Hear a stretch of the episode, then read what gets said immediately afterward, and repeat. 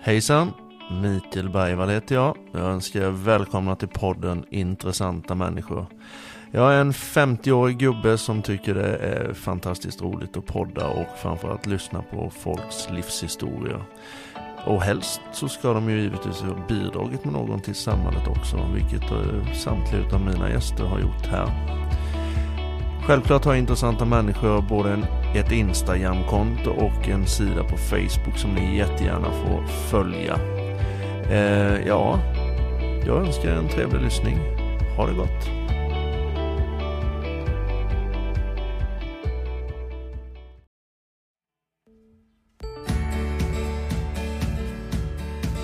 Vi på Dackeplåt i Virserum är din lokala entreprenör inom plåtslageri och ventilation. Vi utför alla typer av plåtslageri och ventilationsarbeten samt OVK-besiktningar. Vi har över 20 års erfarenhet i branschen och kan hjälpa er från projektering till slutfört arbete. Är du i behov av våra tjänster eller vill ha mer information? Besök vår Facebook-sida eller kontakta oss. Dackeplåt AB, din lokala plåtslagare. Sitter jag här nere i Kalmar på Modigs, eller i Modigs fantastiskt fina lokaler tillsammans med David Modig. Jajamän. Hur är läget med dig en sån här dag? Mycket bra. Härligt. Alltid bra. Ja, du ser väldigt glad och pigg ut. Hon sa det, din kollega här, att ni har gym och sånt där nere i... Jajamän. Ja. Ja, Är det för att tillfredsställa dina träningsbehov? det skulle jag inte säga. De har försvunnit mer och mer. De har försvunnit. Så det är väl mer för eh, de anställda Ja. att de ska ha någonstans att kunna vara. Men du har varit eh, elitmotionär, eller hur? Eller elitmotionär, säger jag, elit, elitåkare. Ja, det har jag varit. eh, Och ehm, det var ju en stor del av mitt liv innan. Det måste jag ju säga. Mm. Eh, Men tiden ändras snabbt. Så gör de, så gör de. Och ni har gjort en, eh, vi ska gå in på det om en liten stund här. Men om vi börjar så här, vem är David Modig? Ja, vi börjar med den svåraste frågan att prata om sig själv. Ja, precis. Eh, ja, vem är jag? Jag skulle säga att jag är 40 år, uppvuxen i Virserum. Flyttade ner här till Kalmar för några år sedan ihop med min sambo Annie. Eh, vi har en dotter idag. Eh, vi bor i ett hus här nere som eh, vi trivs i. Och det är väl egentligen det som är det stora om mig, förutom hur jag är som person. Eh, det kan ju många ha åsikter om. Men om jag ska ta, prata om mig själv så är jag nog rätt så, jag är fruktansvärt målinriktad, eh, tävlingsmänniska. Eh, och jag gillar inte så mycket att förlora det skulle jag säga. Det syns nästan Ja. när man ser dig. Vad heter det? Det började redan i barnsben förmodar jag då när du... Ja, det var ju mycket med det här med motocrossen. Man eh, försökte ju eh, bli så bra som man hoppades. Eh, man hade ju alltid sina egna mål med eh, sin idrott som jag höll på med då. Eh, det blev inte ofta som jag ville faktiskt. Jag, eh, jag kämpade på väldigt hårt och, och vi hade mycket eh, eh, vad ska man säga, mycket planer och mycket mål och ibland så gick det, ibland så gick det inte. Men jag hade nog det, eh, om man ska jämföra det jag gör med idag med, med idrotten så har jag, har jag det mycket enklare att bygga maskiner än vad jag hade när jag körde motocross. Det hade du ja, men ändå lyckades du. så Ja, jag skulle inte säga att jag, jag lyckades ju inte eftersom det blev inte som jag ville. Nej, det är okej. lite så här svartvitt med Ja, okej. mig. Så Ja, det, det blev, eh, visst många kan tycka att det gick bra, eh, men eh, det var ju långt ifrån att vara så bra som jag ville. Det fanns ju så många som var mycket bättre. Ja. Ehm, Så vi kände, vi hade faktiskt en plan eh, där farsan och jag.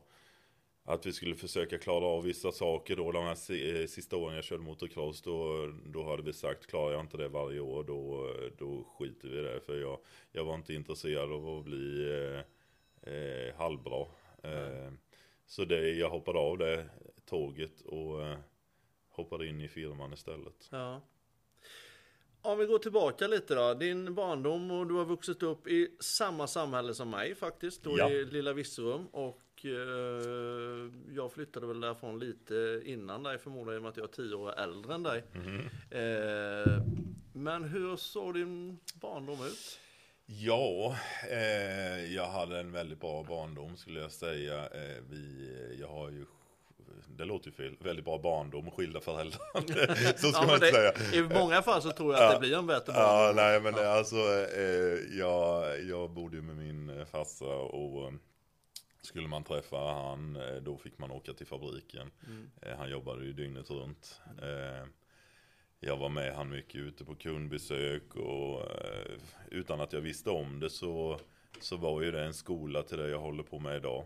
Eh, man, man tänkte ju, man satt och väntade på kvällarna och, och mycket hotell Dacke var det Ja. i Virserum. Ja, med mycket kundbesök och man, man var inte så Var gammal. det Hartvig som drev det då? Jajamän. Ja, ja. Eh, och de var ju fantastiskt duktiga och Ja. vi hade ju mycket, mycket kunder där och, och eh, farsan spenderade ju kvällarna där eh, och försökte prata med dem då att de skulle få köpa maskiner och så här. Och jag satt med och lyssnade och man tänkte att eh, det här är ju för jävla tråkigt. Allt jävla prat bara. Men så hamnade man där i alla fall. Men allt det här pratet har ju satts någonstans. Så ja, det är klart. eh, maskiner i sig, det vi håller på med idag, det har varit eh, lätt för, jag ska inte säga lätt, det låter ju fel, men det, det, det är någonting som är blodet. Ja, Det var mer naturligt för mig än jag trodde det skulle vara. ja, jo, det förstår man. Men det, det, det ligger väl i DNA förmodar jag? Lite så. Ja, ja. Det har varit smeder ända från början, eh, Ja. i långt bak i tiden, Ja. Modingsläktet. ja, jag förstår det. Men gick du någon, eh, du gick gymnasiet eller hoppade du Nej, på jag Modis? hoppade av gymnasiet. Du hoppade av gymnasiet, så du har inte den här ingenjörsbakgrunden? Nej, för fan. Nej. Jag, eller, nu kanske man inte får svära här.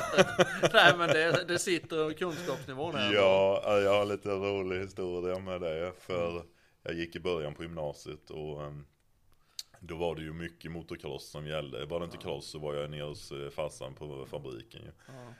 Och eh, då var det satsning på det här med crossen och så fick jag prata med rektorn där i Hultsfred gick jag ju på gymnasiet det första året.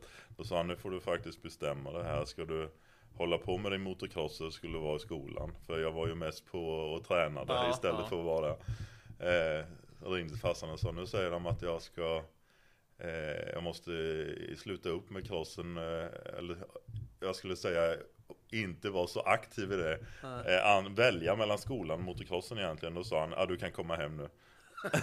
så jag slog hem, slog igen skåpet och åkte hem och sen blev det att jag, då blev det mer fokus på verkstad och Ja. träning. ja men det är väl riktigt. Det är så skön mening alltså. Det är, jag, jag gillar det skarpt. Jag gillar det skarpt. Jag måste bara fråga, var det Bjarne Gormet som var rektor då också? Det var faktiskt eh, Hagberg på den tiden. Alltså, Han var ju rektor i Hultsfred. Var han i Hultsfred också? Jajamän. Jaha, okej. Så eh, det var han, han sa det nog med glimt i ögat. Men han Ja. trodde nog inte han skulle få det svaret. Nej, okej. Jaha, men han, var, gick han till Hultsfred efter? att han Jajamän. varit i- Ja, Mm. okej, okej. Vad heter det, då hoppade du i varje fall av gymnasiet där, Ja. så du gjorde. Så, men vilken klubb körde du för då?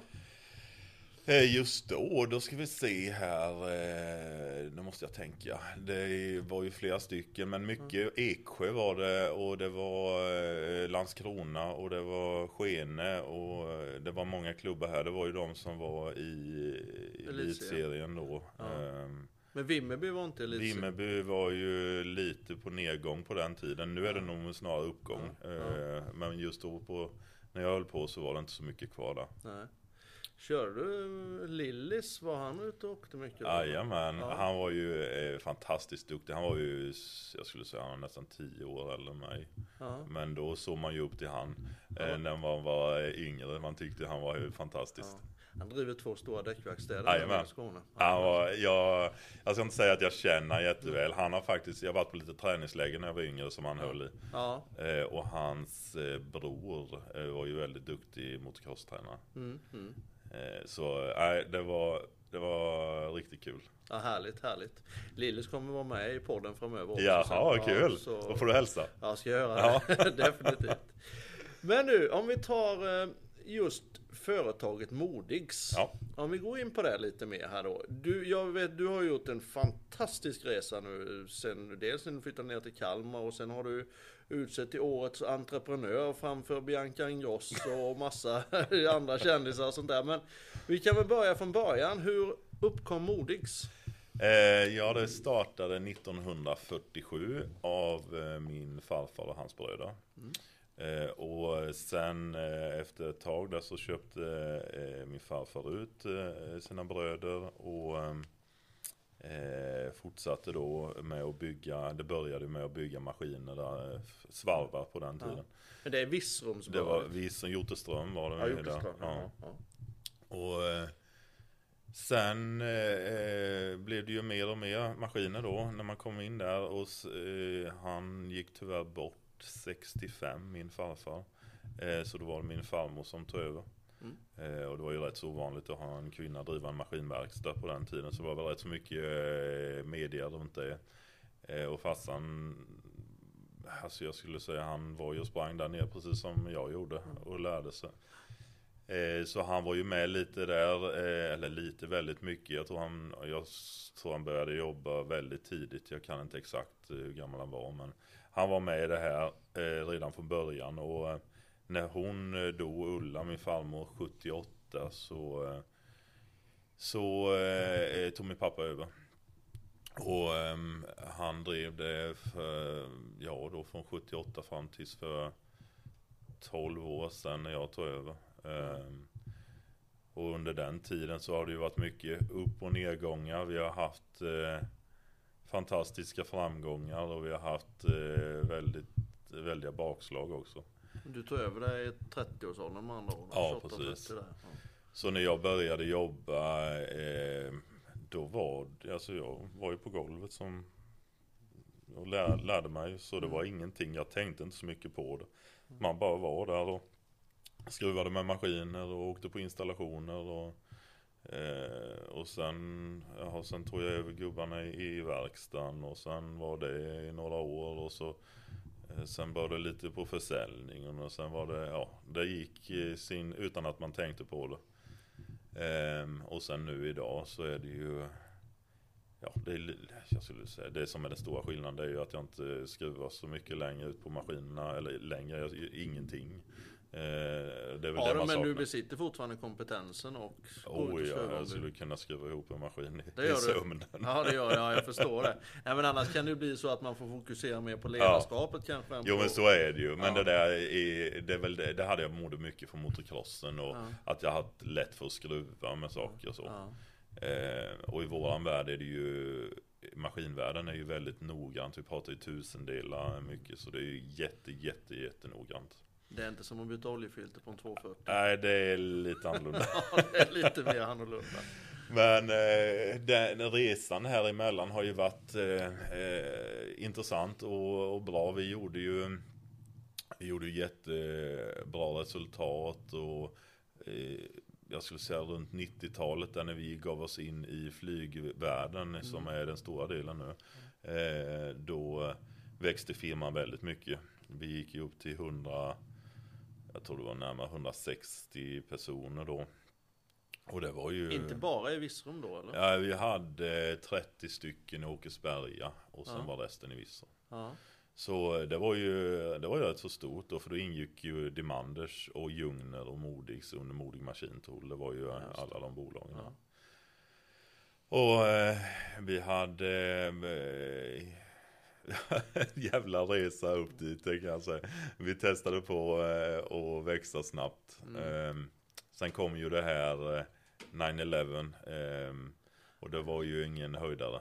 Nej jag förstår det, det fastnade en hel del i tullen då va? Eller hur? Ja, alltså det var ju så här när 9-11 skedde så hade vi väldigt mycket order. Eh, men vi fick inga nya order. Efter, det tog 16 månader eh, så hade vi inte fått en affär. Och eh, när man går där med 150-160 man då, det tog ju slut jobbet rätt så snabbt. Ja det är klart. Och importförbud var det i USA då? Ja, alltså ja, problemet för oss var ju att ingen ville köpa maskiner för flygindustrin var ju helt i Ja, kaos. var- ju. Ja, ja. Eh, Så där var ju en, eh, det var en skola att gå igenom ett stålbad. Och eh, vi gjorde rekonstruktion och vi, eh, vi gjorde 2002 så blev det ju faktiskt konkurs. Ja. Och eh, vi startade upp bolaget Modigs då Ja. direkt efter. Ehm, Och sen, ehm, Men då sålde ni av Demandis i den vevan? alltså det gick ju i konkursen. Ja det gick i konkursen då ja. ja. Men eh, man skulle säga så här. För, om man ska ha ego i det här. Mm. Så är det ju, det har varit bra för mig. För det är ju svårt. När man startar om från början så är man med på allt och läser jävligt mycket. Så jag fick ju lära mig allt ifrån att kontera fakturor till att eh, sälja maskiner och till att städa ute i Ja, det är ju verkstaden. väldigt bra alltså. Ja det var ju inte så stort då när vi startade om så då fick man ju möjligheten att vara med. Skulle man ha hoppat in då fullt eh, när det var 150 man Då blir det istället att man hamnar på ett ställe, en avdelning Mm. Och då är det svårare att få en överblick av det här Så för mig var det ju väldigt bra Ja, För Virserum var det ju väldigt dåligt ja. För det var ju Man tappade mycket arbetstillfällen. och sånt, Ja visst och det var ju hotellet och underleverantörer och ja, Ja. det, var, det var inte alls bra. Eh, och för farsan var det ju, även han skulle kanske inte säga det, men jag tror ju att det hade varit eh, Det var bra för han med, för han jobbade fan dygnet runt. Ja. Och det var, det hade inte funkat att hålla på så. Nej, det är klart att det tar ut sin rätt till Ja. slut. Så är det ju bara. Så det. Och, ehm, så det var, en, det var en bra start och vi kunde dra igång med, med nya konstruktioner och nya idéer. Och, eh, ja, växa firman igen då. Och i, i en takt som inte eh, var pushad egentligen till att växa så snabbt. Vi, folk, många undrade varför Ja, varför blir det inte större eller varför händer det ingenting? Så, men vi gjorde det där med vilje. Vi höll tillbaka väldigt mycket affärer. Eh, bara för att vi skulle få tid till att göra det på ett eh, bra sätt. Ja. En bred Eh, yta att bygga ja. på om man säger så. Ja. Så eh, det, var, det var en intressant eh, tid. Eh, Sverige är ett av de få länderna som inte ser det här med konkurs och sånt som en erfarenhet och hur positivt. Tänk om vi tar USA så är det nästan ett eh, måste att göra ett par, tre Jajamän. konkurser innan man liksom lyckas med det hela. Men hur, hur reagerade omgivningen? Jag måste få höra på det. För ofta är det ju i mindre samhällen och mindre orter så är det ju nästan mer, eh, mer snack den dagen man gör konkursen när det går bra. Så är det garanterat. Det är lite sådär som med crossen. Där Ja. tänker jag. Är det någon som skadar sig då kommer det på tv. Men är Ja. det någon som gör ett resultat då är det ingen som vet. nej, nej precis, precis. Nej, jag vet ju själv hur det var när man separerade och det rasade lite för en annan. Då, då, då var det väldigt mycket snack, men när det väl går bra, nej. Nej, Och sen vet alla efteråt. Jajamän. Ja, nej men det, du har ju lyckats bygga upp det här eh, fantastiskt bra igen alltså. Det, ja tack. Men om vi säger, du pratar ju lite om det här till flygindustrin, eller hur? Ja. Vad exakt är det ni gör till flygindustrin? Alltså vi har ju alltid gjort maskinerna som tillverkar detaljer till olika saker. Så om man börjar innan flygindustrin eran så var det ju detaljer till, det kunde vara till Volvo och det kunde vara till Kalle Petterssons verkstad och eh, du vet Ja. folk som behövde maskiner, bearbetningsmaskiner. Eh, och i flyget då när vi började med Saab Linköping så eh, då var det maskin för deras eh, vingar till JASen eh, som vi gjorde. Men idag, alltså tittar man på flygindustrin, säg att någon skulle komma till oss och säga eh, Nu har vi ju en standardportfolio så det är kanske är lite svårare att säga så men Vi har mycket maskiner som gör detaljer som sitter inne, in i vingarna. Eh, Detaljer som sitter i motorerna, in i golvet i flygplanet. Eh, Ytterplåtarna som sitter runt flyget i sig, eller plankroppen. Förenklat så gör ni, gör, ni gör maskiner som ska sköta produktionen av detaljerna. Yes, Så produktionen sköter något annat bolag. Ja. Ja, Så eh, våra kunder är ju, våra stora kunder är ju de här OEM, alltså Airbus, Boeing, Gulfstream, Cessna eh, och sen alla deras underleverantörer som är hundratals, Ja. alltså tusentals. Ehm, så där är den, eh, vi är ju ett, eh, tittar man på våra konkurrenter idag så är de ju alltså så här 15-20 gånger större än oss. Vi är ju minst i den här världen ens. Och eh, det är både bra och dåligt. Eh, vi är som en liten tagg i sidan på våra konkurrenter. Men hur, hur kan man nå dit med, alltså sitta då, börja nere i Virserum och sen Ja. till Kalmar. Hur kan, hur kan man vara med och slåss om de andelarna? Eh, Det viktigaste för oss, det, det har alltid varit det här, eh, eller många som känner till Modix har ju tyckt att fan, det, vi löser allt, lite som du sa. Ja, Vi löser det här och kommer på innovationer som ingen annan har haft. Ja. Så vi ligger alltid en, eh, jag skulle säga tre, fyra år före våra konkurrenter i teknologin. Vilket gör att man kanske får ett eh, snabbare flöde igenom på detaljerna. Alltså vi tillverkar detaljerna snabbare i maskinerna än konkurrenterna. Mm. Så det, allting handlar om i våran värld, vad kostar detaljen när den kommer ur maskinen? Mm. Och då vill man ju att den ska gå och köra så fort som möjligt. Och där, därför då kan vi Ja, vi kan konkurrera på en marknad som egentligen inte vi ska kunna vara på. Eh, det finns ju inga maskintillverkare kvar i Sverige längre. Eh, och inte i Norden heller, så vi är ju de enda som är Det finns ett slipmaskinsföretag i Sverige, men inte som gör fräsmaskiner som vi gör. Nej. Den stora marknaden är alltså om man tittar på Ferrari eh, och Porsche och den världen vi lever i. Det är Japan och Tyskland. Så vi har kanske fem, fem konkurrenter men det finns ju tusentals maskinbyggare. Men det är inte så många som är Ferrari, Porsche, Lamborghini. Det, det är den, vi är där i den nivån och då har man inte så många konkurrenter. Men det är inte alla som behöver ha en racerbil. Nej, Eh, det finns någon är som kör Skoda. Ja, ja men jag menar så. Det, och det kanske går till Kalle Petterssons verkstad. Eh, bara för att han inte är utsatt för konkurrens så mycket som en eh, Boeing är. Där trycker de ner priserna och då finns det inget annat alternativ än att Ja, de måste köpa en Ferrari för att kunna vara med och tävla. Marknadsandelen räknar ni alltså världen, inte Sverige. Utan det är Ja, världen. ni vi har 99% export. Ja, 99% export. Ja. Är det, åt- alltså är flygplans, är det, är det det största segmentet? Eller fordonsbranschen också? Ja, fordonsbranschen har ju blivit, eh, om man nu skulle titta på vad som har hänt här de senaste eh, ett och ett halvt åren. Boeing som kraschar med 737 Max. Eh, och sen har vi ju pandemin. Ja. Eh, det finns nog inte ett, ett företag i våran bransch som bygger maskiner som inte har gått med ja, röda siffror nu de här sista åren. Vi har varit väldigt lyckosamma och har, klarat oss bra. Och väldigt bra svarta siffror. Så det får man ju vara nöjd med. Eh, men det är på grund av elbilsmarknaden. Ja. Eh, vi gjorde en satsning mot det för tre år sedan.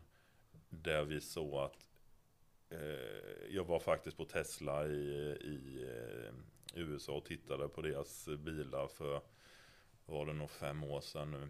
Så pratade vi med dem och de sa så här kommer antagligen elbilsmarknaden se ut. Mm. Och vi hade maskiner som jag tyckte passade in där så jag åkte hem och vi sa vi gör en, en satsning mot den här marknaden får vi se. Var det tillverkar ni till elbilarna? Det är ju mycket batterilådor och framvagnar nu. Ja, ja. Ehm, och när vi gjorde den satsningen, det tar ju en stund att få det att sätta sig. Så det tog ju, det hände inte så mycket på två år. Sen kom Ford och la några eh, maskinorder och sen började det bli lite ringa på vattnet. Och sen exploderade det samtidigt som det blev pandemi egentligen. ja. Så det var ju en bra timing på det här. Väldigt bra. Ja, men vi, om man ska titta på försäljningen så, så tappade vi ändå en 150 miljoner i försäljning 2020. Mm. Eh, mot vad det var tänkt eller så som det såg ut då. På Marginalerna är bättre fordonsbranschen kanske? Ja, alltså det är lite tuffare krav. Det tror man inte mot flyget att det ska vara tuffast. Men i bilindustrin är det mer massproduktion. Det är en annan typ av verk verksamhet. Så eh, eh, med det sagt så får vi se nu. Nu satsar vi fullt här med bilindustrin. Vi ska försöka få det till att stå för 50% av omsättningen. Ja. Så vi har, vi har ju lagt ut en rätt så aggressiv plan här nu. Eh, rullat ut en sjuårsplan i, i firman. Jag har alltid jag- gillat att jobba med planer. Det har jag gjort eh, sedan vi, jag tog över. Ja. Och det var lite samma med crossen. Man, man, man hade sina mål och men, ja, nu behöver vi träna på det och nu ska vi köra det. Och, så här. och det är samma med jobbet. Eh, så nu har jag haft treårsplaner som vi har följt eh, och lyckats med. Eh, och nu lägger vi ut en lite längre eh, sjuårsplan där vi ska försöka eh, växa firman rätt så rejält. Så att vi kan eh, Ja, ta de affärerna som vi behöver ta. För det är ju inte alltid man kan få dem när man är lite för liten. De Nej. vi behöver ha om man säger så. Och elbilsmarknaden är ju extremt under tillväxt. Ja, alltså, helt otroligt. Sverige, jag tror inte folk vet det, men Sverige är ju en, är det tredje största landet när det gäller att sälja elbilar relaterat till invånarantalet. Så Alltså. Nor- Norge ligger väl före då, och, Ja. och något land, men, men det är extremt mycket elbil. Ja, Så det är jättebra för oss. Vi har, För vi har ju de maskinerna som passar perfekt in här Ja, nu. ja.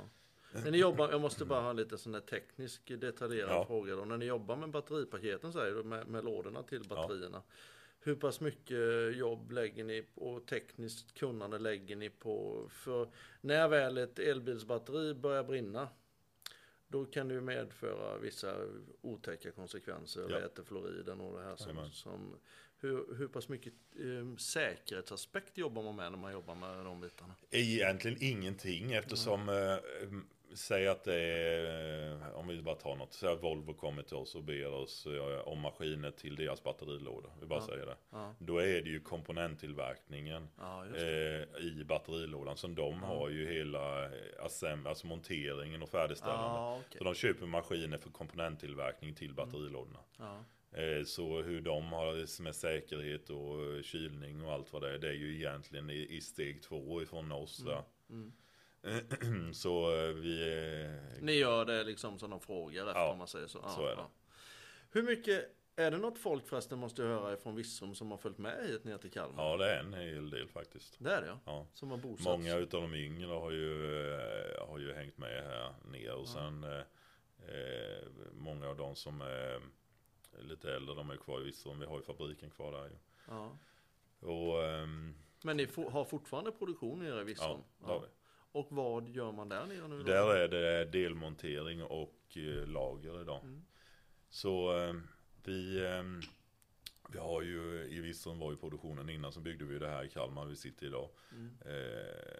Det har ju vi växt ut nu, vi byggde det för ett år sedan. Så det är ju, vi sätter spaden i backen här nu på 10 000 kvadrat i april, slutet på april är det sagt här nu. Eh, så eh, det är nästa etapp i det här sjuårsplanen som vi rullar Mm. Ja. ut. Men ni har mark bredvid som ni Så kan... vi har mark för 15 000 kvadrat byggnad till. Ja. Så vi bygger ut, eh, jag tror det var 9 000 någonting här nu, nästa etapp. Hur många anställda är ni här nere då? Eh, Jag tror att, eh, om vi säger så här, om allting rullar på nu, för nu har jag mest planer i huvudet här när vi sitter, så vet jag att det kommer vara runt 100 när året är slut, om vi följer planen. Eh, För nu är jag helt inne på mina sjuårsplaner då. Men jag, ser, jag vet att det är där det kommer hamna ungefär, om, det, om det funkar. Ja. Och hur många finns nere i? Ja, där är det inte mer än 10 man kvar Det är nu. tio man Ja. kvar? Ja, okej. Vad bör mindre orter göra för att behålla verksamheter? Det hjälper ju inte att ha ett träindustriarbetarmuseum för det bibehåller ju inte, eller behåller ju inte ungdomen om man säger så. Så är det ju. Eh, Där jobben finns, dit flyttar ju folk. Det är ju så, alltså, du kan ju ta Åsida som ett exempel som Ja. är fantastiskt duktig. De har ju, får man ett företag med mycket, alltså som är hyfsad storlek eller flera små. Ja. Då blir det ju så att folk stannar eller kommer in. Det är ju det. Så ska man satsa på något så är det ju företagare Ja. eller företagande. Eh, och på alla möjliga sätt hjälpa till på hur det nu, så att det får ett fotfäste. Mm. Och där skulle jag, alltså utan det, då blir det ingenting. Nej. Det måste finnas eh, möjlighet till jobb alltså. Ja. Jo, det är ju det som styr liksom hela samhället. För allt går ju hand i hand om man säger Jajamän. sådär. Då. Det är ju helt klart. Jag berättade ju lite det här roliga om eh, Ankarsrum och ICA-butiken Mm. i Ankarsrum. När de första kommentarerna som sker är att isterbanden är fem kronor billigare än i Västervik än vad det är i Ankarsrum. Då, då undrar man ju Ja. eh, tänket liksom på det. Nej hela. men jag tror också man, man måste i de här mindre orterna, eller så har ju vi alltid tänkt i alla fall, jag säger inte att det är rätt, men man försöker ju gynna dem där man är. Ja, handla eh, lokalt. ja. handla lokalt Ja. och eh, säga att du får någon, du kan köpa någonting eh, till fabriken eh, som är 95-procentigt eh, och så kan du få eh, 98 hos någon annan. Mm. Ja, och det kan vara värt det för att hålla, till, hålla det kvar i, i orten alltså. Ja. ja, men det är helt klart. Helt klart. Så, eh, nej men det har ju hänt, eh, pratar man om Vissum så är det ju eh, det händer ju mycket. eh, Det försvinner mycket tyvärr. Ja, det gör ju det. Det, det är faktiskt synd. Det är ett fint litet samhälle. Men, Jättefint. men, men ehm, entreprenörskapen kanske saknas lite. Jag vet inte. Det gör det väl i de flesta mindre orter. Alltså folk som, eh, som eh, fo- folk flyttar ju därifrån tyvärr. Ja, alltså det, det är ju, jag ser ju bara på mig själv här vad Ja. som händer. Ja. Alltså jag flyttade ju inte eh, firman hit ner för att jag var, eh, bara kände att jag måste till Kalmar. Nej. Det var ju på grund av massa saker. Ja, det är klart. Det var hur tar vi hand om våra kunder? Ja. Eh, finns det någonting runt eller så här? Eh, hur får vi tag i folk? Är det lättare eller svårare? Ja. Ska vi göra den här resan som vi hade tänkt oss då, som redan var planerad för åtta år sedan? Då visste man ju att det kommer inte finnas folk i Virserum. Nej. Och den här tekniska kompetensen Nej, för de du, de du har här ute, de, det är ju inte Ja. jobbar som, de Nej, nej, krävs ju de- lite utav det, dem också. ja, alltså, Man måste ju vara väldigt tekniskt kunnig. ja. Lite tusenkonstnär när man Ja. jobbar här. Ja. Har hållit på med både hydraulik och mekanik och pneumatik och så. Så Ja. det, det är rätt så svårt. Sköter du all försäljning eh, utomlands? Eh, vi har ju faktiskt, vi håller på att färdigställa vårt eh, nya huvudkontor i, eh, i USA nu. Ja. Eh, jag har ju en VD där borta eh, som började jobba för oss för fem år sedan. Han är från Boeing från början. Ja. Så han, han tar hand om Modig US eh, i det aspektet att vi har ju distributörer i hela USA. Mm. Så han tar hand om distributörerna. Ja. Alltså pushar Ja, dem ja. och hjälper dem. Och sen är det, när det är dags för closing och så här, eh, då, då måste jag åka. För då? då är det, det, det är alltid det här tekniska sista som man ska kunna prata om maskin i sömnen för Ja. att eh, kunden ska få lite, eh, vad ska man säga, förtroende. Mm. Då kan du engelska i alla fall. Ja, det är det enda jag tycker jag pratar här dygnet runt. Ja, precis. Det är ju lite skillnad på, på um, vad ska man säga, företagsengelska och på vanliga engelska man Jajamän. läser på Stålhagsgymnasiet. Så är det. Nej, men jag har inga problem med det. Nej. Eh, Jag tycker det Hur många resdagar har du på? ja nu är det ju knappt inga. Nu är det ju, nu är det ju lugnt, det förstår jag, men eh, annars? Alltså jag skulle säga eh, Säga att jag är ute kanske en gång i månaden eh, eller en gång var sjätte vecka, en vecka. Eh, så det är inte alls så mycket. Eh, och eh, anledningen till det, det är att vi har eh, anställt, eh, speciellt nu då eh, vad ska man säga, det låter fel att säga chefer, ledare i olika positioner som har tagit det ansvaret som behövs att, att ta. Ja. Så eh, det finns en mer bredd nu eh, där jag kanske Det viktigaste för mig just nu Det är försäljningen och konstruktion eller nyutveckling. Mm. Där är jag, måste jag ju lägga 100-100 fokus hela tiden. Eh, Men om man ska säga ut i, i monteringen är det fantastiska personer där ute. Eller om man tar, ja det är ju massa avdelningar här nu eh, som sköter sig mycket självt. Och de har sina ansvar och så här. Mm. Men när ni bygger en maskin här i Kalmar till exempel. Ja. Följer personalen med som bygger maskinen och monterar upp maskinen i USA exempelvis? Eh, det beror på. Vi har ju ett eh, eftermarknadsgäng Ja. eh, som åker ut och installerar och så här. Ja. Om det inte är så att vi, vi har distributör. För distributör står ju för installationer också. Ja, okej. Så mycket av det som händer i USA, vilket är, eller Nordamerika, vilket är den stora marknaden för oss, det har vi ju eh, distributörer. Så om man räknar ihop alla våra distributörer, det är 1200 man i de företagen som representerar oss. Så de har, man kan säga om man jämför bilar, så har de, de har ett Volvo-märke eh, och sen har de ett eh, Porsche då som är oss. Ja. Så eh, de har ju en, en bas. För viktigt är ju att man kan supporta kunderna snabbt i den här branschen. Maskinerna kan inte stå still, då kostar det multum. Det är ju Ja. sådana här produktionslinjer Ja. som aldrig får stanna. Nej, så är det ju. Så är det ju givetvis. Så där är ju Ja. viktigt. Ehm, Så det, nej, det är riktigt eh, häftigt. Ja. Du, jag måste fråga dig. Vad krävs det för att bli en så pass framgångsrik företagsledare som du är? Nu, nu klappar jag dig lite Ja, på tack. ryggen här. Men, men du är ju det. Du har ju blivit liksom årets entre- entreprenör i Sverige och de här bitarna. Så det är klart att det vore ju jävligt dumt att förneka att du inte är. Mm. Ja. Eller att du är. Alltså jag skulle säga det som skiljer mig mot många andra. Ja. Det är passionen. Ja. Eh, passionen. Och sen. Eh, jag skulle säga envisheten med. Och då pratar jag envisheten med att jobba. Kanske det. Alltså för mig.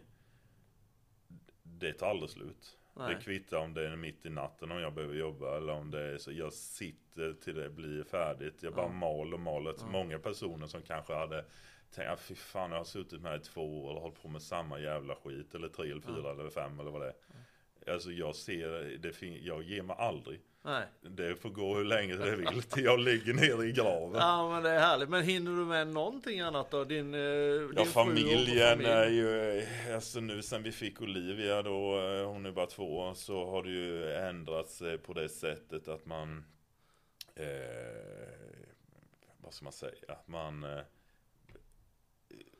inte vill mer. Det är självklart man, man vill eh, hitta på saker, men man tänker ju sig för på ett annat sätt Ja. när man får barn. Det och lite av det här har ju varit eh, jag är rätt så gammal för att få en, eh, ha en tvååring om man säger så. Mm. Eh, så jag har ju inte lärt mig än. Nej. det var barn. Kom, kommer din dotter gå samma väg som din farmor tror du? Det vill säga att hon tar över verksamheten framöver. Din farmor drev ju det ett tag. Ja. Alltså jag vet inte. Eller vill du inte det? Jo, alltså jag, det här är inget jobb för mig. Det Nej. är en hobby. Det är min Ja. största hobby. Det här är jobbet. Ja, precis. precis. Så eh, om jag skulle tycka, alltså jag eh, älskar att vara här och eh, maskiner, älskar- men man måste älska maskiner och så här. Ja, alltså man måste ha det i sig. Ja, annars går det inte. Nej, alltså du kommer inte kunna lägga den, du har den passionen för det här annars. Nej. Och jag har ju, jag skulle säga att man, det är nog rätt så tveksamt att det kommer att bli så. Ja, Det tror jag. ja. Det var nog mer tur att Ja. det blev så. Det blev Men, men kommer du att råda din dotter samma sak som Percy rå- rådde dig då? Att kom hem nu istället och så kör vi på med det här istället. Ja, ja, absolut. Ja. Alltså om det bara finns den passionen. Ja. Man måste eh, ha en vilja och eh, lite jävla anammat. Ja. Eh, finns det, då kan du göra vad fan som Ja. helst. Eh, det, jag, när jag, nu kanske det inte är jag som kollar på alla anställda hela tiden som vi tar in här, men eh, förr i tiden jag tittade aldrig på vad jag hade för utbildning. Nej. Jag vill bara se att det brinner i ögonen. Ja. Då, Det, är- det är det som gäller, ja. då kan du lära dig vad som helst. Ja. ja, det är härligt. Det är sån skön inställning tycker Ja, jag. alltså Så det- jag förstår inte det där. Det, det gör jag faktiskt inte. Visst, man kan inte bli hjärtkirurg om man inte vet vad man håller på Nej. med. Men Ja. i våran bransch, Ja, då kan ja. du lära dig. Ja. Ja, ja, jag instämmer till 100 procent. Ja. Alltså, sen är det ju som du säger vissa specialistyrken och förlösa barn och sånt här Nej. kanske man inte heller klarar av man inte har, eh, ja, vem vet, det kan ju gå.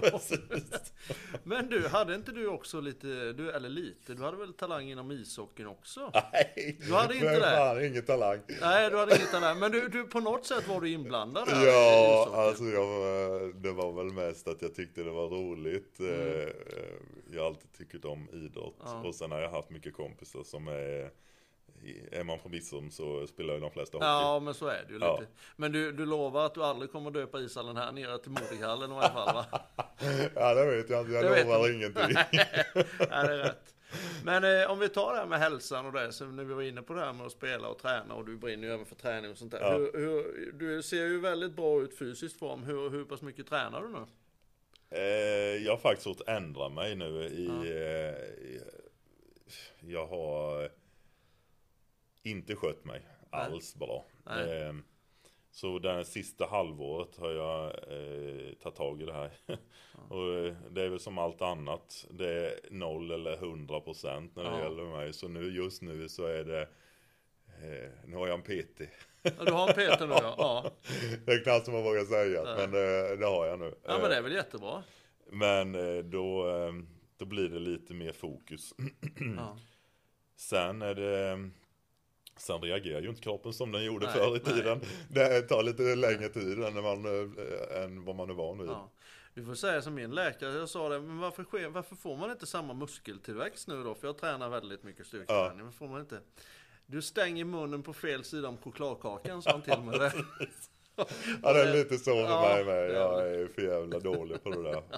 Ja, men så är det. Men det blir lätt så när man eh, det, För mig är det så svårt att hålla Man lägger 100% av sin energi på jobbet. Ja. Och sen ska man träna då. Då kanske det inte blir 100% men är 80% Och sen kommer man hem till familjen och som alltid har varit helt sanslöst supportande. Ja. Då vill man ju inte vara för jävla ledsen Sticka till Ja. gymmet. Nej. Nej. Eh, och det blir ju, fan då kan vi ju äta, kanske man vill äta något gott ihop åtminstone. Ja, men det förstår jag. Alltså det, blir, det går Ja. inte att hålla alla nej. så jävla strikt. Nej. Det är svårt alltså. Ja. När är du på jobbet på morgonen? Ehm, det, jag ska säga så här att det har, det har gått från fem på morgonen, i tio år var jag nog klockan fem. Och sen eh, började klockan sex. Och nu är jag nog, eh, hamnar jag någonstans mellan kvart över sex, halv sju. Så eh, min... Men sen har det också blivit senare kvällar Ja, jobba så det. blir Ja. kompensering det. Men hur lång tid stannar du en normal dag? Alltså normalt jag går hem vid sex och sen åker jag och tränar. Ja. Och det här vill jag ju knappt säga men eh, när jag kommer hem så sätter jag mig och jobbar eh, till klockan jag går och lägger mig. Så så jävla rolig är jag eh, hemma. Men det är kanske det som krävs för Ja, att det är ju det. Ja, Det är det pas- passionen och då måste du också ha eh, support hemifrån för det hade aldrig gått. Nej. Ann är hemma och hon har ju varit eh, alltså, hon är helt fantastisk med det här och det har aldrig varit några diskussioner om jobbet. Alltså jag, hade jag varit, varit ihop med någon annan så hade det aldrig fungerat. Men hon har varit med på hela resan från Ja, början. vi har ju varit ihop 15 år eller nästan. Ja, det är ju bra. Ja. Så hon vet eh, hur det är. Men eh, jag menar du måste ha den supporten för annars, annars antingen sitter du själv Ja. eller så har du den supporten hemifrån. Ja, För ja det finns inga alternativ där. Nej. Och ehm, visst, vi umgås, men jag sitter med, dat med datorn, jag har datorn vid tvn. Så jävla snäll är jag. Så åtminstone så kan vi prata lite. Ja, ja, men det är helger också som... eh, Ja, jag säger jag lägger nog en eh, 90 timmar i veckan ungefär. Eh, Det snittar vi nog ungefär. Ja. Det, det, det är lätt att stå vid sidan och se att man kanske har en schysst bil eller någonting sånt Ja. här och ett fint företag. Men man, man förstår inte insatsen av timmar heller. Fy fan, det är helt sjukt. Ja. Men du, årets entreprenör. Berätta lite nu. Hur, hur, hur fick du reda på det och hur skedde allting? Ja, eh, hur var det? Jag, det var faktiskt eh, så att eh, Ernst Young eh, kom och frågade om jag, de hade valt ut, jag tror det var 1200 i Sverige för det här årets företagare eller eh, entrepreneur of the year. Ja. Och så frågade de, eh, vill du vara, accepterar du den här? Ja, det kan jag göra. Men jag, jag var lite sådär, fan jag har inte tid nu. Men sen eh, så sållade de ner, jag tror det var till, jag vet inte hur många det var, men det, vi gick ju till någon sån här regionsfinal. Ja. Så fick man stå framför en jury där. Mm. Och eh, eh, prata lite om sig själv och företaget. Och sen eh, de som vann där, de fick ju åka till den här eh, Sverigefinalen uppe i Stockholm. Mm. Och eh, då var det ju, jag tror det var sex eh, regioner. Eh, och vi är från Region Öst här. Mm. Så då fick ju alla stå framför en jury där uppe. Och det var jättefint, fantastiskt anordnat. Vi var på Grand Hotel och de jag blev inbjuden i ett rum där så satt det i en hästsko eh, sådana här välkända svenska företagare. Okej, ja. Så var det bara att dra igång sin pitch. Ja. Eh, och egentligen var det så att eh, jag hade inte, de var ju så jävla nervösa här för mig. För jag, jag hade inte övat ett jävla dugg. De som måste öva nu på det här. Alltså det blir som det blir. Gillar de inte det så då får det vara så. Ja. Jag är den jag är, så går jag in Sen och har kör. du ju den här charmiga dialekten med. Ja, precis. Låter som en riktig bonde. Åsa-Nisse kommer och drar sin uppfinning. Nej men eh, så två minuter skulle man prata om sig själv och så skulle det vara utfrågning eh, 13 minuter tror jag då. Mm. Men eh, jag tänkte jag skiter i det, jag kör mitt. Så jag berättade vad vi gjorde och jag sa så här, "Nej, den här tävlingen den hade inte funnits om det inte hade funnits folk som hade byggt maskiner. Då hade inte kunnat hålla den där pennan ens om det inte hade funnits maskiner. Nej. Så det, det, de fick ju lite chock. Jag gick in och körde hårt där. Och sa, "Jaha", så de hade väl en minut frågestund och sen var det fj- 14 minuter David. Ja. ja men det var men det gick ju uppenbarligen bra. Ja, de tyckte ju jag var eh, som vanligt. De som träffade mig, de trodde inte jag var riktig någonstans. Så det var, men eh, så fick vi ju, eh, satt vi där på eh, eh, den här ceremonin på kvällen. Alla fick ju testa sig, coronatesta sig, så det var ju rätt så mycket folk i alla fall. Ja, okej. Så det var massa sådana här tester hela tiden för att kolla eh, flera gånger om dagen då att det inte Ja. var någonting. Och sen, ja, så ropade de väl upp, det var sådana här för, förpris då, årets manliga stjärnskott, årets kvinnliga, årets eh, nu ska vi se årets eh, tillväxt internationellt och sen var det det här huvudpriset då. Mm. Och ja, jag hörde när de läste upp motiveringen eh, Ja. vad det var på väg. Ja. ja, det kändes bra va? Det kändes ju fantastiskt Ja. kul. Det är ju inte så lätt att vinna priser i, som, som företagare. Nej, nej. Där brukar det ju mer vara att firman går bra och ja, att man blir stor och får massa vinster. Mm. Så priser är ju inte så ofta man får. Nej. Så eh, det är ju väldigt prestigefyllt eh, pris och eh, ärofyllt. Måste jag säga. Första, andra och tredje plats, hur, hur blir den fördelad? David först, eller ni först då givetvis? Ja, jag vet inte hur de andra var. För det var, det var en som vann och sen var det två resten tror jag. Ja, okej. Ja. Bianca Ingrosso var i varje fall en utav dem. va? Kvinnliga stjärnskott var hon. Ja, hon var kvinnliga stjärnskott. Ja. Ja. Ja. Så eh, de yngre, de, de flesta yngre, de tycker det är mer roligt att jag pratar med Bianca och står på scen med henne än att jag vann Ja, huvudpriset. jag kan tänka mig det. Jag kan tänka. Men det är klart att syns, men hon är ju en ganska stor influencer. Ja, så hon är det- fantastiskt duktig. Men du har inte funderat på att bli influencer i varje fall? Nej, jag tror inte det är riktigt jag. Okej. Men hon var ju eh, väldigt trevlig, väldigt eh, duktig på det hon gör, så det var kul. Ja, jag förstår det. Hur ser framtiden ut nu då? Ja, ehm, som sagt, sjuårsplan där ju. Mm. Eh, vi har ju all, avverkat ett halvår snart på den. Ja, Ehm, och det ser bra ut. Eh, om vi så långt.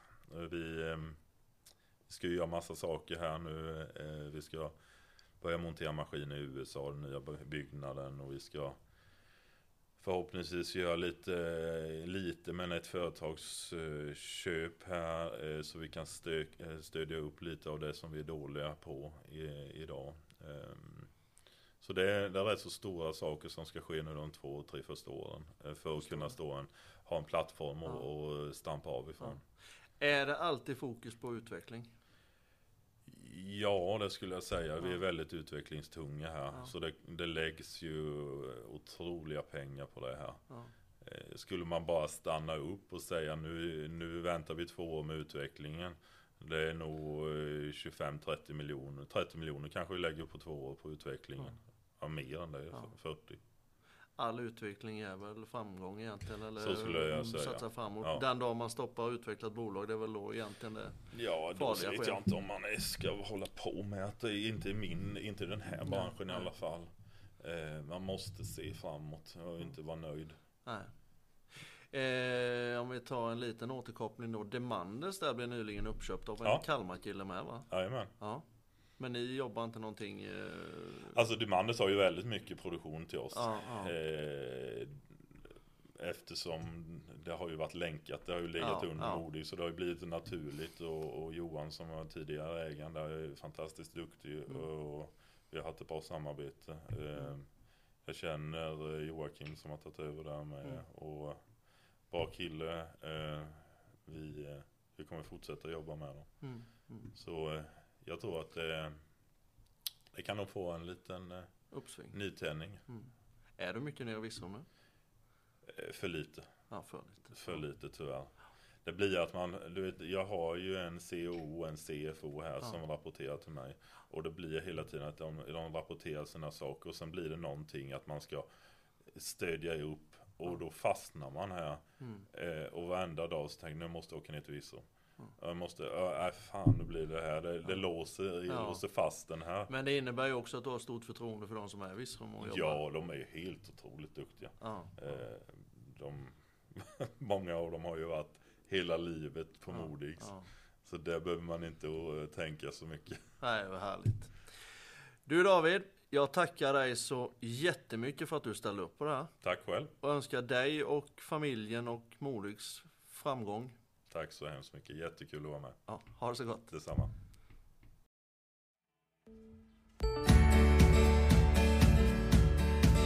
Vi på Dackeplåt i Virserum är din lokala entreprenör inom plåtslageri och ventilation.